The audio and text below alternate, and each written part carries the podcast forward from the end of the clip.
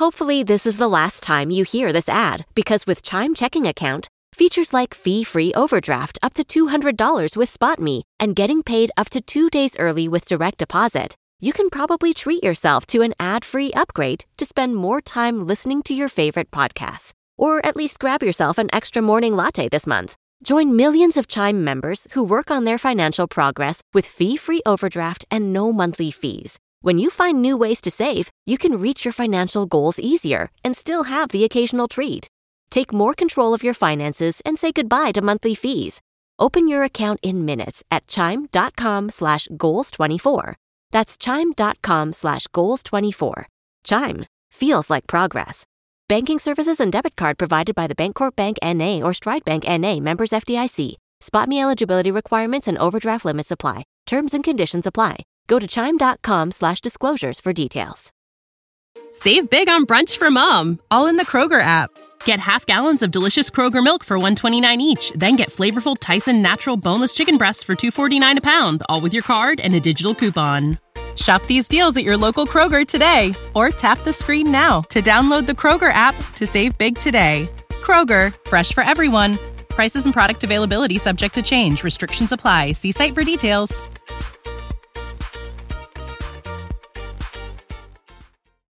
Du lytter til Overskudd med Even og Johannes. Ja, god dag. God dag, da er vi tilbake. Mm. Forhåpentligvis, nei ikke forhåpentligvis uten hund, det var jo veldig hyggelig å ha besøk eh, forrige uke. Ja, det var jo det.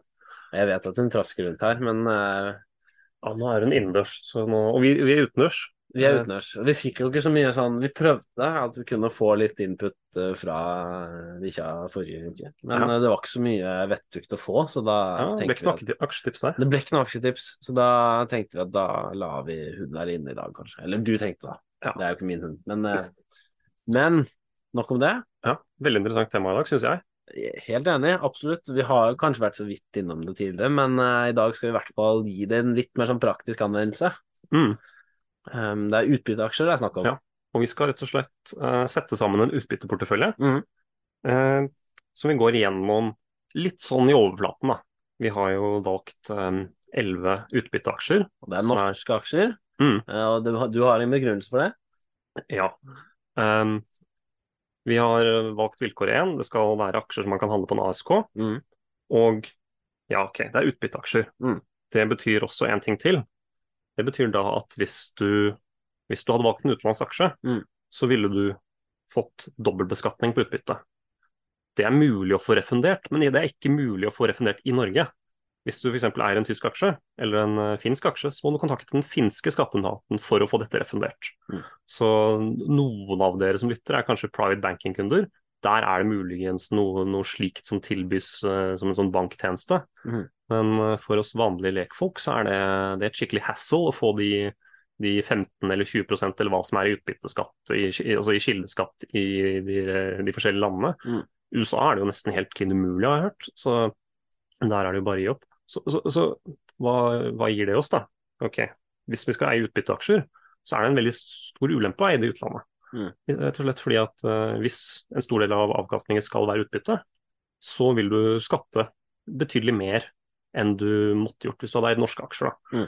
Så det er rett og slett en li- litt komplisert skattebegrunnelse, men som er lurt å ta, ta hensikt, eh, ta, ta og se litt på da, når man gjør investeringer i utlandet Mm. som betaler mye utbytte. For det er ikke, der er ikke vi nordmenn særlig godt stilt med de skatteavtalene vi har. Mulig dette endrer seg i framtiden, da er det flere som, eh, som pusher på det. Men foreløpig er det der vi er i dag. Ja. Så Så det er rent praktiske årsaker, mm, eh, og ikke minst, eh, som du sier, for lekmenn, lekmenn, og det er jo det vi prøver å mm, prøve, Det er de vi prøver å hjelpe. Så norsk portfølje, det er jo greit å støtte norsk industri også. Mm. og veldig, og med utbytteaksjer så kan det være veldig fordelaktig å bruke den der ASK-fordelen, altså Mm. utsettelsesmetoden, hvor du ja, la oss si du, du har en million som du har lyst til å sette inn i forskjellige aksjer. Og så Da vil du kunne få den første millionen som du får, får utbytte av denne porteføljen. Mm. Den, vil, den vil være skattefri. Mm. Eller altså da utsatt, uh, utsatt skatt på. Ja. Så det, det er noe som man kan, kan og burde kanskje bruke for, å, for en sånn strategi. Det må man jo vurdere individuelt. Mm. Men det er i hvert fall en god mulighet, og det er i hvert fall det vi har lagt opp til i dag. At de aksjene vi har eh, lista opp, det skal man kunne handle på Ask. Ja. Mm. All right. Men det også er jo litt sånn eh, Du sa 3% yield på aksjen. Mm. Det er jo et, et snitt i porteføljen. Ja. Noen vil være over, noen vil være under. Mm. Og, eh, og for å ha det noe stabilt, da, så unngår vi de, de, nok de aller mest sykliske aksjene. Mm. Og da er det jo særlig shipping som kanskje blir, eh, blir utelatt her. Det er jo mange utbytteaksjer i- innenfor shipping, men der er det såpass stor variasjon mellom et godt og dårlig år Mm. at vi, eh, vi, vi tenker ikke det hører hjemme i, i, i vår utbytteportefølje. Nei, et annet eksempel er også enkelte oljeaksjer. eh, vil jo også alltid være litt mer skumle enn eh, kanskje mange andre. Men, men Mm. som sagt, det er en veldiversifisert, veldiversifisert portefølje du har kokt Mm. i hop her. Og den er jo ment å være en slags et alternativ til en høyrentekonto eller til eh, bare sparekonto eller til eiendom. Ja, Langsiktig sparings, Eh, Langsiktig sparing med jevn tilbakebetaling eller eh, avkastning. Så med det holdt på å si etablert, skal vi finne ut hvordan man gjør dette her. Eh, og jeg har valgt aksje 1 og aksje 2. Jeg tenker jeg omtaler dem ganske som samla. Ja. Det er uh, lakseselskapene Movi og, og SalMar. Mm. Eh, dette er veldig gode norske, solide selskaper. Og så Mm. har jo og Du kan kanskje si forskjellen på dem, da. Det er jo at Movi har også, også en god del virksomhet i utlandet, særlig i Canada og, eh, og i Chile. Mm. I tillegg til at er godt, eh, har godt fotfeste i Norge. Så, og en annen forskjell, Movi har, eh, fokuserer nok litt mer på vekst framover, reinvesterer mer, og, Mm. og betaler da et lavere utbytte enn det SalMar gjør. Erik. SalMar er hovedsakelig i Norge, og det er også greit å bemerke seg da, at hvis man kun er i Norge, så, så har man også den, litt den politiske eksponeringen som vi har, som vi har snakket mye om. da, De som har eh, fulgt med på laks, har jo fulgt veldig mye med på lakseskatten. Mm. Det er jo ikke egentlig noe man burde tenke for mye på langsiktig, men sånn sett så er det jo greit å ha eh, ja, spredd eggene litt på tvers av landegrenser. da, og eh, med laks så oppnår man det ved å, ja, ved å eie Movi og, og SalMar, etter vårt syn. Så gode, solide selskaper som, som jeg syns er virkelig godt drevet. Herlig. Har, har du noen eksempler på hvor mye utbytte du har fått på en av de to? eh? Jeg må si at eh, jeg eier ikke SalMar. Nei. Eh, Movi betaler det, varierer også litt, men eh, 2-4 uh, siste årene. Men Ja. du må også se at Movi har, har også vekst, har hatt vekst siste årene. Mm. Eh, noe av det er drevet av høy laksepris, men de har ja, de, de, skalerer litt mer opp eh, sin virksomhet og har planer om det, eh, i motsetning til SalMar, som i, som i større grad da, eh, ruger på det de har. Mm. Og, eh, og SalMar er jo kun i Norge. De har jo truet med å holde tilbake en del investeringer framover. Det har jo også Movi, men Mm. Movi har jo da muligheten til å gjøre de investeringene i, i Canada og Chile. Ja. Um, Ja, spennende. De utfyller hverandre, da, med andre ord. ja, ja, litt sånn, og, og veldig, veldig gode selskaper. Ja, bra. Så noe man absolutt burde se, se nærmere på, da. Har du en uh, ny sektor? Uh, ja, jeg tenker jo også at vi må, må ha noe norsk, norsk Telekom, Ja. og da er det Telenor. Telenor er jo en. Eh, Statseid, og eh, du kan si at de har gått noen blemmer siste årene i utlandet. Uh, men det som jeg syns er positivt med utviklingen til Telenor nå, det er at det virker som at de i større grad fokuserer mer og mer på det de er gode på. Kjernevirksomheten. Ja, Kjernevirksomheten i Skandinavia. Mm. Levere telefontjenester og også mer si, kompliserte eh, bredbånd- og leverandørtjenester til eh, oljesektoren, shippingsektoren. Mm. Så de, og de har jo de har gått på en del smeller i utlandet, Myanmar, Thailand, India. Det det er jo på en måte lang historikk der. Mm. Men det er det som jeg tenker er positivt, at de, de roer seg nok litt mer i utenlandsinvesteringene sine. Og da er det kanskje mer, mer utbytte igjen. Mm. Fordi, og nå, nå var nok fjor, fjoråret eksepsjonelt høyt, hvor de gilda på 8 utbytte Mm. i forhold til dagens aksjekurs. Men eh, ja, det er nok mulig de kan holde, holde et utbytte rundt, og kanskje i overkant av 4-5% en del år. Men det er jo ikke et selskap, et selskap jeg vil følge litt mer med på uh, i porteføljen. Mm. Så ja, ligger jo på en måte kursmessig ganske lavt, i hvert fall når vi spiller inn i dag. Eh, Ganske mye lavere enn det jeg har gjort uh, de siste ti årene, da. I lavere halvdel. Ja, riktig. Så, men eh, ja, kan gå videre til neste. Og Ja. da er det jo, går vi inn i en sektor som er litt mer sånn, skal vi si, finansielle tjenester. Og da, da begynner jeg med, med Gjensidige, Mm. som er, eh, er et forsikringsselskap. Apropos billig, så er Gjensidige også ganske billig nå for tiden.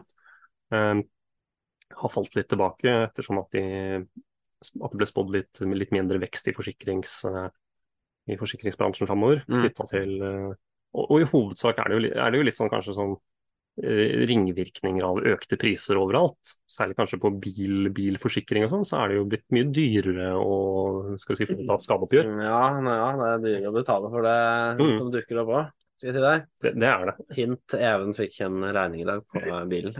Mm. Så, og for så vidt gjensidig forsikrer jo alt mulig. Og eh, de fleste utbetalinger Og nå har man jo gått fra, tilbake fra covid, hvor alle satt hjemme og ingen skada seg, ingen hus brant ned. Hus brant kanskje ned, men ingen eh, ja, Reiseforsikring, f.eks. Der var jo lite, lite meldinger eh, et langt år. Så nå er man kanskje tilbake til normalen igjen.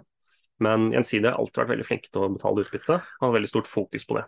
Ja, de har, apropos fokus, det er altså helt sant som du sier. Det er kanskje den aksjen i Norge som er mest på det der at vi, vi betaler utbytte. Vi Ja. deler overskudd med kundene våre, er det ikke det de sier? Ja, ikke det- det er kundeutbytte. Det Ja, men De bruker også noe som heter kundeutbytte, eller eh, Ja. noe slikt. Men det, det er vel noe annet. Okay. Det, det, det er vel ikke i skal vi si, den aksjeformatet av, av et utbytte. Nei. Kundeutbytte er vel eh, ja, jeg, jeg kan ikke detaljene om det så mye, men det, det er noe Men det sier, sier litt om mentaliteten de har. Da, at Mm. de, de, de ønsker å, å gi noe jevnt tilbake da, over tid til Mm. de som velger å investere. Og sånn sett kanskje en av de tryggere utbytteaksjene i Ja. porteføljen. definitivt. Forsikring er jo De opplever lite svingninger i gode og dårlige tider. Mm. Forsikring, det skal man ha. Ja, det er veldig sant. Jeg benytter meg av min i morgen. Da skal jeg operere på foten, faktisk. Ja. Så- Gull verdt. Så har jeg også på en måte hatt med en sånn, der, sånn joker her, som en avforsikringsselskap på Oslo Børs. mm. Eh, forsikring. Det, er ikke, det er ikke et av våre valg. Um, men det er også en aksje som, har, eh, som vokser mer, som er litt mer aggressiv, litt mindre utbytte. Mm. Um, så hvis, hvis man er interessert i å ha litt mer, være litt mer offensiv, så kan man se, se på det. Ja. Spennende. Neste. Ja, nummer fem, og også en finansiell gigant i Norge. Ja. Du, du har vel knapt større. Eh, det er DNB, Den Mm. norske bank. Og det er jo i den eh, skal si, banksektoren så er det jo fryktelig mange andre aksjer å, å velge mellom òg. Men vi har gått for den største og mest solide. eh, for å på en måte ja, ha en god eksponering mot indeks i, porteføljen gjennom DNB. Og vi vil jo gjerne diversifisere med kjemper når det kommer til en uh, dividendeportefølje uansett. Så Ja. DNB er et utmerket eksempel. Og med høye renter så er det jo har de som regel bedre, bedre inntjening neste årene. Mm. Og uh, gjort, noen, gjort noen strategiske oppkjøp av S-banken. Det blir, blir, interessant å følge med på hvordan det, hvordan det utvikler seg. Mm. Men, men generelt også et selskap som har hatt veldig stort fokus på å tilbakebetale utbytte, Mm. og uh, har en posisjon som er uh, vanskelig å ta fra dem. Da. Det Ja, det er vel ingen bank som kjenner Norge bedre. og, eh, og norsk industri er litt sånn sær. Mm. Og kan si både på kundesiden og på corporate-siden så er, er DNB virkelig, virkelig de som har, har grepet rundt det aller meste av det norske markedet. Mm. Så en, en solid aksje å, ha. Veldig og bra. bank er jo også re relativt sikkert. Det var jo selvfølgelig Med bankkrise så var det jo litt sånn usikkerheter, men DNB er nok eh, også en av de, de siste som, eh, som vil bli, bli hardt utsatt i en sånn krise. Ja. Bank i bordet. Ja. All right, skal vi gå videre til en ny en? Mm. Og da er det i, har, vi gått videre til, eh, til industri. Mm. Her er det jo mange aksjer å velge mellom som man kunne valgt. Um, og vi har kanskje valgt å lande på den som er uh, mer uh, stabil. Da. Som har Mm. mye sykliske aksjer, som har gode og dårlige år her også. For å nevne eller noen, så er det jo Norske Hydro, Elkem, Norske Skog, Grana Gruber. Mm. Alle disse aksjene har, eh, har si, veldig mye svingninger da, i, fra en dårlig sesong til en god sesong. Mm. Og så det vi har landa på, er en litt mer hvor en aksje som har litt mindre av dette, og det er da Yara, gjødselsprodusenten, og for så vidt mye annet òg. Eh, kjemikalier og diverse produkter som på en måte ligner på det. Mm. Det er jo hovedsakelig gjødsel og gjødselsprisen de har, eh, har inntekt på. Og eh, det siste året har det jo vært, og de siste to årene egentlig, så har det vært ganske høye matpriser, som også driver gjødselprisene høye. Mm. Så i en portefølje så er det en slags trygghet å eie Yara. For eh, skal vi si, går inflasjonen ut av kontroll gjennom f.eks. høye matpriser, så, så vil Yara tjene mer penger òg. Nå, nok, nå har de altså hatt, hatt fryktelig høyt utbytte, da, opp i 10-11 eh, i år. Så de som leser på Yara, de må også ta og i hvert fall antageligvis eh, erkjenne at det her kommer ikke til å fortsette. da. De kommer ikke til å fortsette å betale så høye utbytter de neste årene. Det har vært eksepsjonelt, så det blir nok en eh, litt fall i gjødselprisen, og da litt fall i inntektene til Yara, men fortsatt gode, gode utbytte på ja, rundt, rundt 5-6 Mm. kanskje mindre òg. Vi får se, de har jo, gjør jo også nye investeringer i eh, blå blue ammonia, jeg vet ikke hva man kaller det. på norsk. Blåammoniakk. Ammoniakk er det jo eh, rett og slett det norske ordet for det. Men om det heter blåammoniakk, det vet jeg ikke. Men det heter i hvert fall ammoniakk, det vet jeg. Ja, nei, jeg har lest litt for mye av de prospektene på engelsk. Ja, nei, og jeg er ikke noe kjemiker. Det er Mm. noe stemmen. Men i hvert fall. Eh, ammoniakk, blåammoniakk. Mm. Men ja, spennende selskap. Ja, så, så kort, kort oppsummert, et, et industriselskap som har relativt mye mindre svingninger enn en de andre. Mm. Og eh, selvfølgelig nå på kort sikt så er det litt sånn her med kornavtalen i Ukraina, når den går i, går i vasken og Putin begynner å angripe og havner i Ukraina, så, så driver det også prisen opp på kort sikt. Eh, men på lang sikt, som vi tenker, så er det, er det, er det på en måte et viktig, viktig kilde Mm. til, til matforsyningssikkerheten. Det er, det er gjødsel. Ja. Får veldig mye mer effekt av et jorde med, med gjødsel. Så det Vil være viktig uansett. Mm. Fremover. All right. definitivt. Um, Ny en med finansiell kjempe slash forsikringsselskap. ja, blir kanskje ja, blir litt finansielle selskaper her, Mm. Uh, men dette er jo det siste. Ja. Og det er eh, De driver jo for så vidt med litt forskjellige finansielle tjenester, alle disse tre selskapene. Mm. Men Storebrand, som er vårt selskap nummer syv, driver jo først og fremst med kapitalforvaltning, pensjonsforvaltning, i, i stor grad. Mm. Og, eh, og lever veldig bra på det. Og på, på samme måte som eh, gjensidig, så er på en måte pensjonsforsikring er noe som er veldig sånn alle må ha det. Og eh, det er eh, og det norske markedet er jo også litt begrenset i forhold til hvor mange konkurrenter de kan ha. Ja. Og uten at jeg skal gå fryktelig mye inn på selskapet, det er ikke et selskap jeg kjenner fryktelig godt. Nei, men det er et selskap som har mange gode kontrakter og ganske sånn stabil kundebase, hvis du ikke Mm. har skjønt det. Ja. Eh, Og er ganske unike posisjonert der, da. Det er kanskje Av alle de tre vi har nevnt, så er det vel, eh, med unntak av Gjensidig, så er det vel mm. Storebrand kanskje den safeste. Ja, og jeg føler på en måte due diligencen min blir litt dårligere når jeg vet at uh, Sissener er jo Storebrann uh, lasta opp veldig mye på Storebrann, da. Ja, okay. Det er hans, uh, hans kjærlighetsaksje i, på, på Oslo Børs. Ja, men det er jo det, så er jo aldri noe skade. Han er jo en Mm. eh, vis mann, Ja. herr Sissener. Ja, så det er veldig defensiv, og, og de tjener jo Det aller meste av storband sin, sin inntekt er jo bare forvaltningsavgift Ja. i, i stor grad. Og, eh, og lite er, det er nok ikke så fryktelig mye som er eh, prestasjonsbasert. I, ikke som man kanskje andre hedgefond skulle hatt, men storband er mer tar en eh, fast fi. Mye er jo på en måte indeksforvaltet. Mm. Og så, det er på en måte, jeg skal ikke si det er penger på gata, men det er, det er en veldig stabil inntektskilde, med mindre vi skulle sett en kraftig si, uttrekning av kapitalmarkedet. Ja. Men det er jo kanskje de aktørene som ikke egentlig kan trekke seg ut, pensjonsforvaltere. Ja. Det, de, Nei, det er riktig. De må stå i det. de må kanskje de må bare velge mellom renter og aksjer. Det er jo det. Er jo det og, ja. Ja. Så de pengene må være, være låst i aksjemarkedet eller rentemarkedet. Så, Og så er det jo forsikring, på egen også. De, er, de Mm. driver med forsikring. Så som jeg har nevnt, det er jo noe man alltid må ha. Så det er på en måte en slags Mm. eh, ja, underbygger jo det vi har, mye av det vi har sagt om gjensidige. De er jo litt, litt, en del mindre på, på dette området. Skal vi bevege oss videre til eh, Norges eh, Jeg skal ikke si stolthet, men Norges Ja, Norges kjerne, da. Ja. Og der er det jo oljeaksjer. Og her har vi egentlig litt å velge mellom. Og vi har landa på én oljeaksje. Mm. For de som vil gjøre litt egne valg, så er det jo selvfølgelig lov å ta større eksponering i olje enn det, det vi har gjort. Mm. Men og, og vi har jo også kanskje fire, fire framtredende skal vi si, olje, altså produksjonsselskaper da, Ja. som faktisk er med i produksjonen av, av olje. Da har vi Aker BP, Equinor, Vår Energi, som eh, har blitt børsnotert eh, for eh, ja, litt over et år siden, Mm. og DNO, som selv om det heter Det norske olje, så, så er DNO har de mye eksponering mot eh, Kurdistan, Mm. Midtøsten og, og, og, og jeg skal si litt mer internasjonalt. Mm. Og kanskje det å bære kanskje preg av det også i kursutviklingen. Det har vært litt større eh, Ja. Jeg husker jaggu meg jeg kjøpte ned noe på to et eller annet eh, når det var Ja. koronaen. Mm. Helt på bunn. eh, Og så ganske kraftig stigning der, og, og så litt Mm. ned igjen. Så Mm. noe er mer, da, da blir det mer risky igjen. Og vi har jo Hvis du måtte anbefale en av de som er utbytteaksje.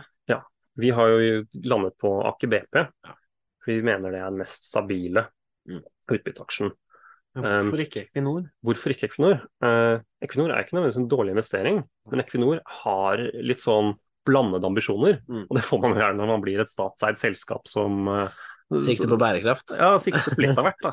Og eh, mye av investeringen til Equinor blir jo eh, ja, går jo ikke i utbytte, det sånn. Det som, det som de genererer. Det skal reinvesteres. ja. Og det, det kommer vi tilbake på. Jeg har noen punkter selv her på tampen, Mm. eh, som er liksom fordelene og ulempene med, med som kjennetegner utbytteaksjer. Og en av disse er jo gjerne det at de eh, slutter å reinvestere. Ja. Eh, men igjen, det har jo sine fordeler, og det har sine ulemper. Mm. Men igjen, porteføljen til den vi konstruerer nå, Ja. så er det klart at det er litt sånn litt mer skummelt med den eh, Aker-konsernet, hvis vi skal bare ta, ta det litt raskt. Mm. Aker BP er jo oljeselskapet som er eid av bl.a. Eh, et konsernselskap, Aker ASA, som Mm. også er notert på Oslo Børs. Mm. Um, Men der er det, som sagt, der har Mm. de fordelt det jevnt utover. Ja. Equinor samler alle under en paraply. Mm. Save a little more this month. Chime checking accounts have features like fee free overdraft up to $200 with SpotMe and no monthly fees. Open your account in minutes at chime.com slash goals 24. Banking services, debit card provided by Bancorp, Bank NA, or Stride Bank NA. Members FDIC. SpotMe eligibility requirements and overdraft limits apply. Save big on brunch for mom, all in the Kroger app. Get half gallons of delicious Kroger milk for 129 each, then get flavorful Tyson natural boneless chicken breasts for 249 a pound, all with your card and a digital coupon.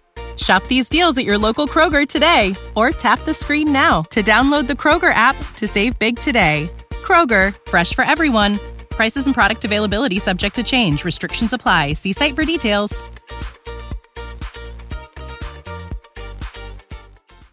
og aksjen vil bære preg av det, så har Aker eh, heller fordelt utover ulike selskaper. riktig. Som gjør at hvis du vil eksponere deg mot eh, olje, så er Aker BP en veldig fin sånn enkelaksje. da. Ja. Er det er kanskje det du mener? Mm. Ja, det, det er det jeg mener. Ja. Og Aker-konsernet vil jo på en måte, de vil jo få utbytte fra Aker BP og gjøre de reinvesteringene. Mm. Men ved å eie Aker BP, så, så slipper du på en måte bli med på det hvis du Mm. ikke vil.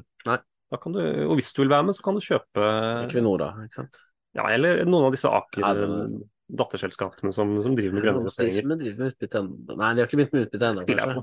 Eh, skal aldri si aldri, uh, tar ikke det på sparket, men eh, Aker Horizon og Carbon Capture Ikke disse er langt unna. Ja, Uh, Det er det, det som er essensen. Hvis dere ikke har skjønt Mm. nå, så er essensen at når de, Ja. når de begynner å dele ut dividende, eller Mm. utbytte, så har du Ja, du har vel egentlig mer penger enn det du trenger.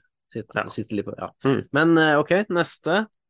Eh, ja. Nå begynner vi å nærme oss eh, bunnen. Det er Bare noen få igjen. Mm. Fortell. Ja, vi har jo noen skal vi si, mellomstore IT-selskaper. Ja.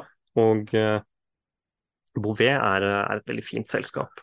Betalt mye utbytte, Mm. og har faktisk, hvis du ser på, ser på si, omsetningen og marginene, har egentlig stått ganske, ganske på stedet. Men Mm. de har ganske mye vekst i tillegg til at de betaler utbytte, som jeg syns er Det er en god kombinasjon. egentlig veldig imponerende.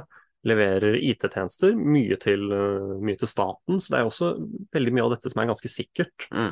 Så man kan jo se på både Bouvet og Athea, relativt like, like selskaper. Mm. Så du, du kan si at Athea er kanskje mer safe, mens Bouvet har mer, mer, mer, Mer ambisjoner, Ja, litt mer ambisjoner. Det er jo klart, det er jo gøy i en portefølje som ellers Mm. kan virke konservativ, å ha noe Ja. litt mer spennende, ikke spennende, litt Mm. mer ja, ambisiøst, da. jeg, jeg tenker jeg er kanskje litt mer offensiv på IT-sektoren Mm. og, og IT-tjenester. At her er det noe, en sektor som kan vokse i årene framover. Det er jo Det er nok en av de som vil vokse, Mm. og som stadig blir mer og mer um, anvendt, holdt jeg på å si. definitivt. Ja. Så, så utover det, jeg har ikke fryktelig mye kjennskap til uh, Bouvet og detaljer av hvilke kontrakter vi har. Nei. Men bare ved å se på regnskapet, så ser dette ut som et veldig, veldig fint utbytteselskap å ha. Nå så kan det jo være, jeg kjenner jo ikke selskapet godt, men det kan være at de også gjør større investeringer og, og til, til ulempe for utbytte. Eh, Så, så det er noe man må passe på. Hvis Mm. man vil, vil unngå det, så er det kanskje heller Athea man skal gå for. Ja. Um, vårt, vårt valg nummer ni er jo da Bouvet. Ja, kult. Neste. Nå er det bare to igjen her. Og der er det egentlig Det er eiendom du har siktet inn på, er det ikke? Det er eiendom som Ja. er eh, en type, type aksje nummer ti. Mm. Her har vi egentlig ikke bestemt oss i, i stor grad. Litt av samme årsak som kanskje olje, eller at det er litt opp til en selv, kanskje. Mm. Om det er risikoprofilen som avgjør, så er det kanskje bare personlig preferanse, Mm. eller tro. Men Ja. eh, ja, vi har nå tre. Eh, Selvåg bolig, Olav Thon eiendom og Entra. Ja. Og uh, eiendomsaksjene har jo falt en del. Eh, Olav Thon er det som har falt minst. Ja. Men og Vi kan ta kanskje Entra først. da, Hvorfor har Entra falt? Og Dette er nok eh, en kombinasjon av både høye renter Mm. og at eh, Og det, dette med hjemmekontorer. da. Mm. Veldig mange veldig mange av skal jeg si, eh, virksomhetene i Oslo som trenger store kontorlokaler, og i Skandinavia generelt, har jo på en måte merket at okay, vi har jo kanskje 20-30% på hjemmekontor til enhver tid. Mm. Masse tomme plasser. Vi kan jo heller bare nedskalere. Og eh, så, det har jo ført til da, at eh, leieprisene er ikke, det er ikke så lett å øke leieprisene selv om kostnadene øker for, eh, for, for Entra. Og i tillegg når renta stiger, så de har jo mye lån i porteføljen sin. Det er jo de fleste som driver med eiendom og utleie. Entra er jo mer en, skal si, en utleieaktør innenfor næringseiendom. Ja. Så, så de har nok uh, kjent på den. Så, så, prisen er jo faktisk på, sist jeg sjekket, uh, under halvparten av det den var på toppen i, i 2020. Ja. Så ja.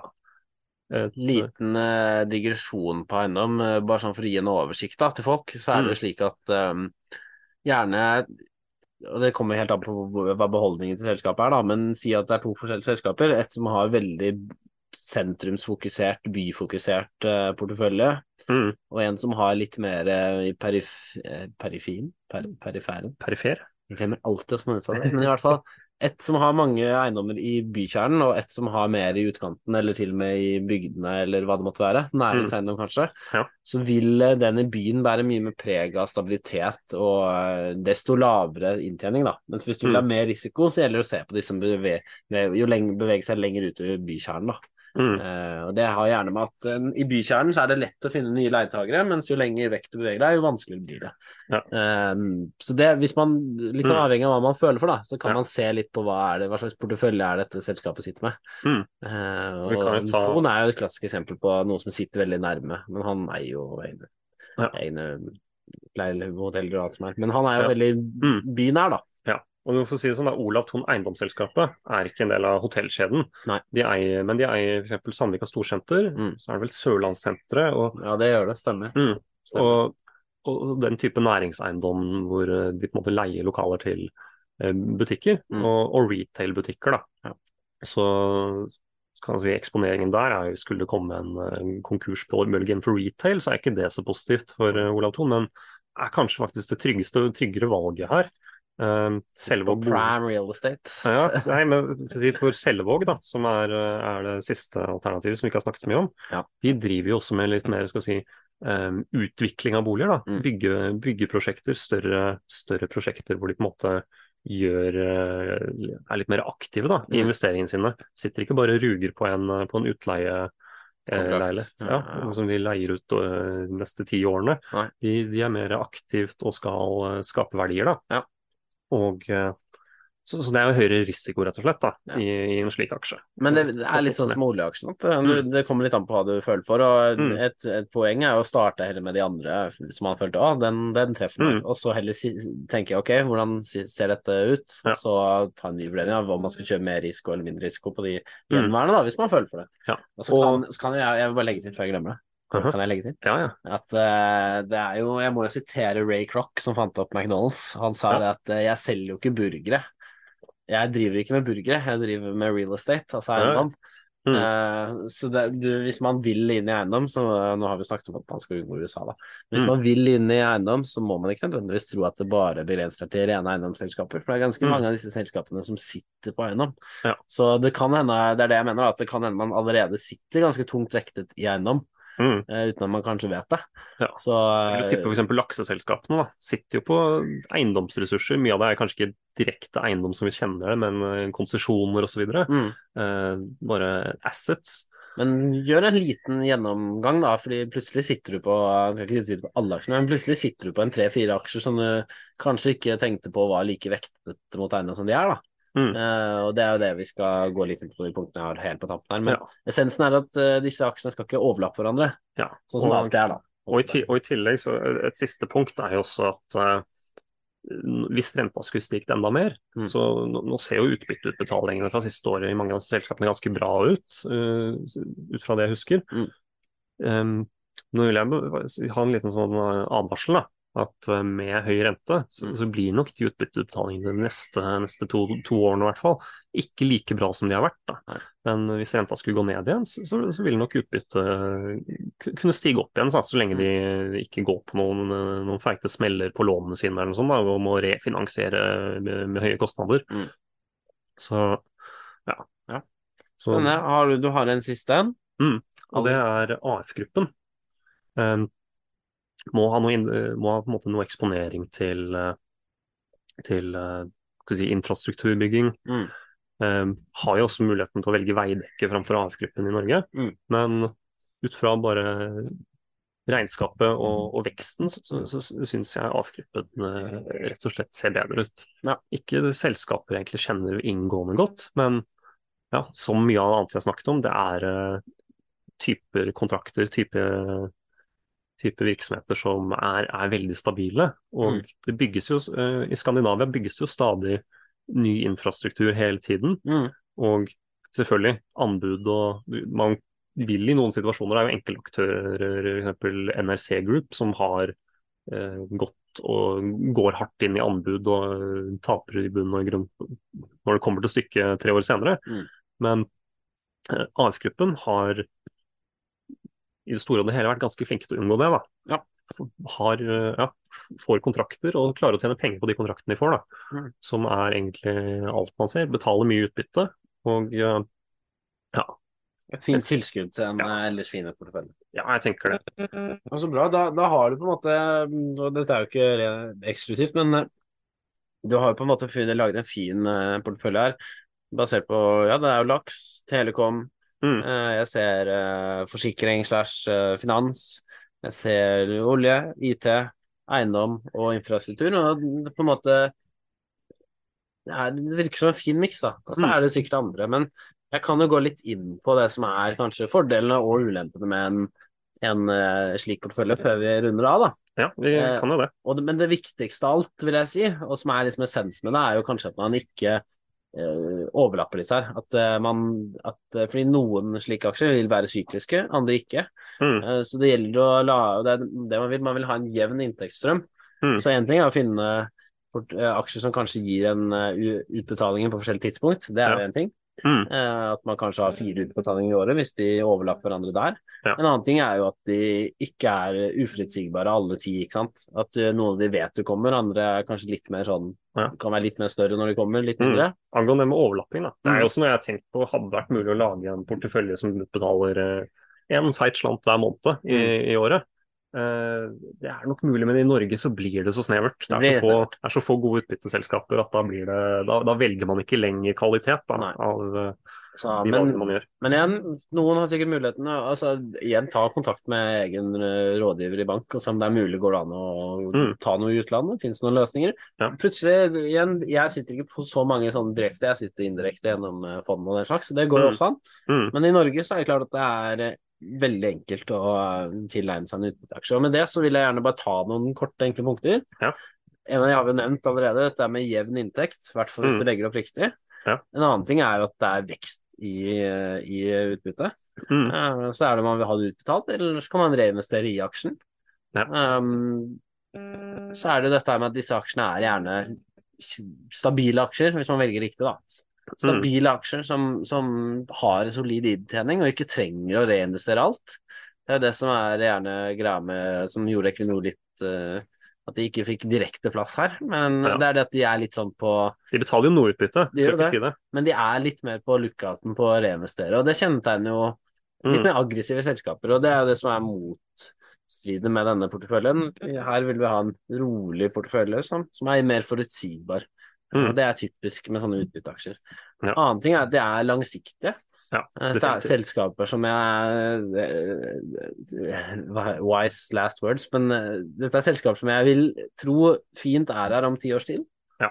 Alle sammen, og gjerne lenger òg, uten at jeg skal være for bastant. I tillegg så er det dette med skatt, da. At det er en fin måte å unngå denne Nei, å benytte seg av eh, Fritaksmetoden med Fritaksmetoden. ASK-konto. Riktig, riktig. Så det er jo gunstig sånn sett i Norge, og enkelte andre land også vil det være gunstig på, for noen. Men uh, for norske statsborgere så er det ASK vi må forsyne oss, Mm. forsyne oss med. Uh, Så på det som er litt mer negativt, da, eller som er ulempen, for det er jo ikke, det er ikke bare positivt eh, Men det er ikke det at det er negativt heller. Det er en risiko, da, som man må vite om. Ja, noe man må vite om. Mm. ene er dette med begrenset uh, mulighet for vekst. Fordi disse selskapene sier jo i bunn og grunn at uh, vi vet ikke helt hva vi skal gjøre med alle disse pengene vi tjener, alltid. Mm. Vi betaler ut til dere. Ja. Uh, fordi vi får mer enn nok. Um, og da vil man på en måte gå glipp av disse store vekstaksjene. Og Mm. det er klart, De er jo interessante, for er de som virkelig vokser og gir deg enorm avkastning, når, når det klapper, da. Mm. Uh, en annen ting er dette med at du kan eh, finne, få en overlapping, som jeg har nevnt nå litt. Ja. Uh, og det vil jo være ugunstig, fordi hele poenget med porteføljen er forutsigbarhet. Mm. Eh, så hvis man ikke Hvis man bommer litt på, på det, så vil man kunne oppleve at det ikke er så forutsigbart og stabilt som man kanskje vil. Eh, en annen ting er jo at de kan fjerne dette utbyttet enkelte tider, eller ja. men minske det. Og det vil jo, hvis man har lagt opp til at det skal være på en viss size eller på et visst tidspunkt, og det ikke kommer, så er jo det, så er jo det litt ikke urovekkende, men det er jo litt kjipt. Ja, og jeg, jeg vil jo si at man skal ikke investere som at man er betinget av disse eh, pengene. Nei. Men det er på en måte i det store og det hele så blir, blir det en kontantstrøm, men så Mm. blir det noen år hvor det faller vekk. da. Så Ja. hvis man, jeg, hvis, man er, hvis man er i en situasjon hvor man faktisk er helt avhengig av utbytte, ok, da må du faktisk ha en mye større cash-reserve enn Mm. en, en vanlig. da. Ja. Så ha det i forbehold. Det er, eh, kommer det 2008, så, så skjer det store kutt i utbytte. Ja. Eh, norske selskaper er, er ikke så veldig tilbakeholdne. Du vet jo selskaper i USA da, som har disse streaksene, og som kanskje Ja, de er veldig stolte av de. ja, alltid økt, økt utbytte litt grann de siste 50-25-30 årene. Mm. I Norge så er det på en måte det er ikke så stor skam det er ikke noe tradisjon for det. Ja, og det er litt mer også kanskje det med at eh, hvis, man, eh, hvis man betaler ut utbytte skikkelig dårlig i år, Mm. eh, er oppsigelser, ansatte går Det ser litt, kanskje ikke så bra ut i Norge, da. I Norge så blir det litt mer eh, slått ned på i media. Ja. Det er det. Vi er litt mer sånn sosialt, eh, sånn sett, Mm. Eh, Så det er bare to ting igjen også. Det ene er at man kanskje går glipp av nye trender. Altså Vi har dette med AI. Ja. Det er en typisk ny trend Mm. eh, som aldri vil bære preg av utbytte. Enn så lenge, i hvert fall. Ja. Um, så, så det er én ting. Og så er det jo det siste jeg vil si, og det er rett og slett mulighetskostnaden.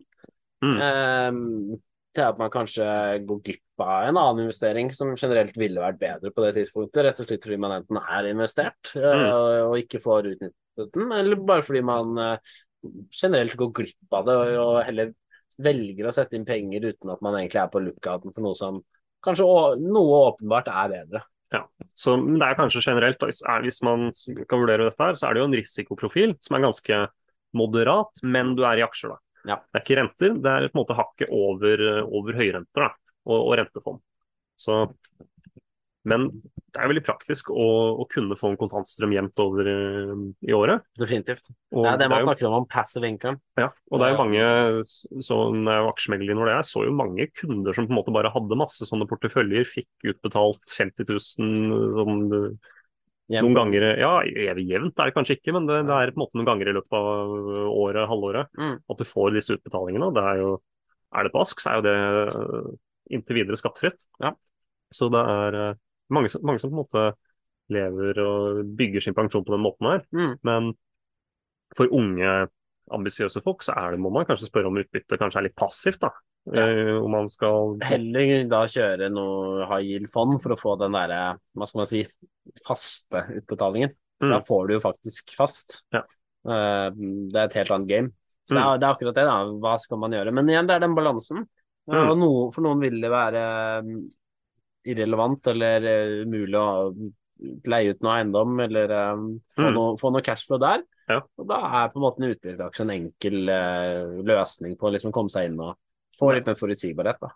Ja, det er jo interessant. Altså, mine, tid.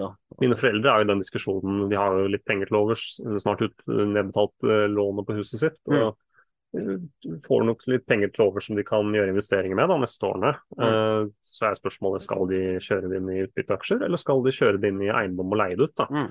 Og eh, selv om kanskje avkastningen kan se ganske lik ut, så, er det på en måte Forskjellen er jo for det første det med skattefordelene. Eh, fritaksmetoden er jo litt vanskeligere å bruke på eiendom. Da må du i hvert fall konstruere et selskap på en annen måte da, for å få det. Eh, så det er ikke like rett fram. Ja. Mens eh, så, så er det på en måte risikoen. Eh, med en eiendom så har du risikoen ved, ved ett salg. Ja. 5% transaksjonskostnad på det gjerne. Og eh, aksjer så er det mye mindre. Det er Mm. mye, mye mer rett fram. Mm. Men så, Så vil det jo igjen være mer skatt når du skal selge, da. Enn så Mm. lenge. Ja. Så kan vi krysse fingrene på at det endrer seg. Men eh, med det skal vi avslutte Vi startet på skatt. Nei, det gjorde vi kanskje ikke, men vi avslutter på skatt. ja, vi begynte ofte kom tidlig inn på i hvert fall. Og Ja. Det er jo en slags gjenganger eh, at eh, ja, vi må tenke på skatt når vi gjør investeringer. Det, Ja, det må vi det er kanskje litt, eh, litt irriterende, men det er Man er nok man er i hvert fall tjent med å ta det inn i vurderingen. For det er stor forskjell på å betale 15% ekstra per utbytteutbetaling, i tillegg til de 37% som også betales for vanlig skatt i Norge. Mm. Da, da får du nesten ikke noe utbytte igjen. nesten, Da er det jo halvparten er gått. Så ja, vær litt ha, ha skatt litt i hodet da, når du gjør disse investeringene. Ja, men så bra. Høres bra ut. Mm. Eh, Det ble en lengre episode, men eh, en utrolig interessant episode. Og en jeg tror og håper lytterne hadde glede av. Det hadde vært for jeg. Mm. Ja, det har vært gøy, gøy å forberede seg til. Absolutt. Mm. Nei, men herlig. Takk for denne gang. Vi høres igjen. Vi høres. All right. Du lyttet til Overskudd med Even og Johannes. Spring is in full bloom. Are your finances? With the Chime Secured Credit Builder Visa credit card, you can build credit with everyday purchases and regular on time payments, all with no annual fees or interest. With Chime's secure credit card, you can start improving your credit scores right away. Get started today at chime.com slash build. That's chime.com slash build. Chime feels like progress. The Chime Credit Builder Visa credit card is issued by the Bancorp Bank NA or Stride Bank NA members FDIC. Out of network ATM withdrawal and OTC advance fees may apply. Terms and conditions apply. Go to chime.com slash disclosures for details. Save big on brunch for mom, all in the Kroger app. Get half gallons of delicious Kroger milk for 129 each, then get flavorful Tyson natural boneless chicken breasts for 249 a pound, all with your card and a digital coupon. Shop these deals at your local Kroger today or tap the screen now to download the Kroger app to save big today. Kroger, fresh for everyone. Prices and product availability subject to change. Restrictions apply. See site for details.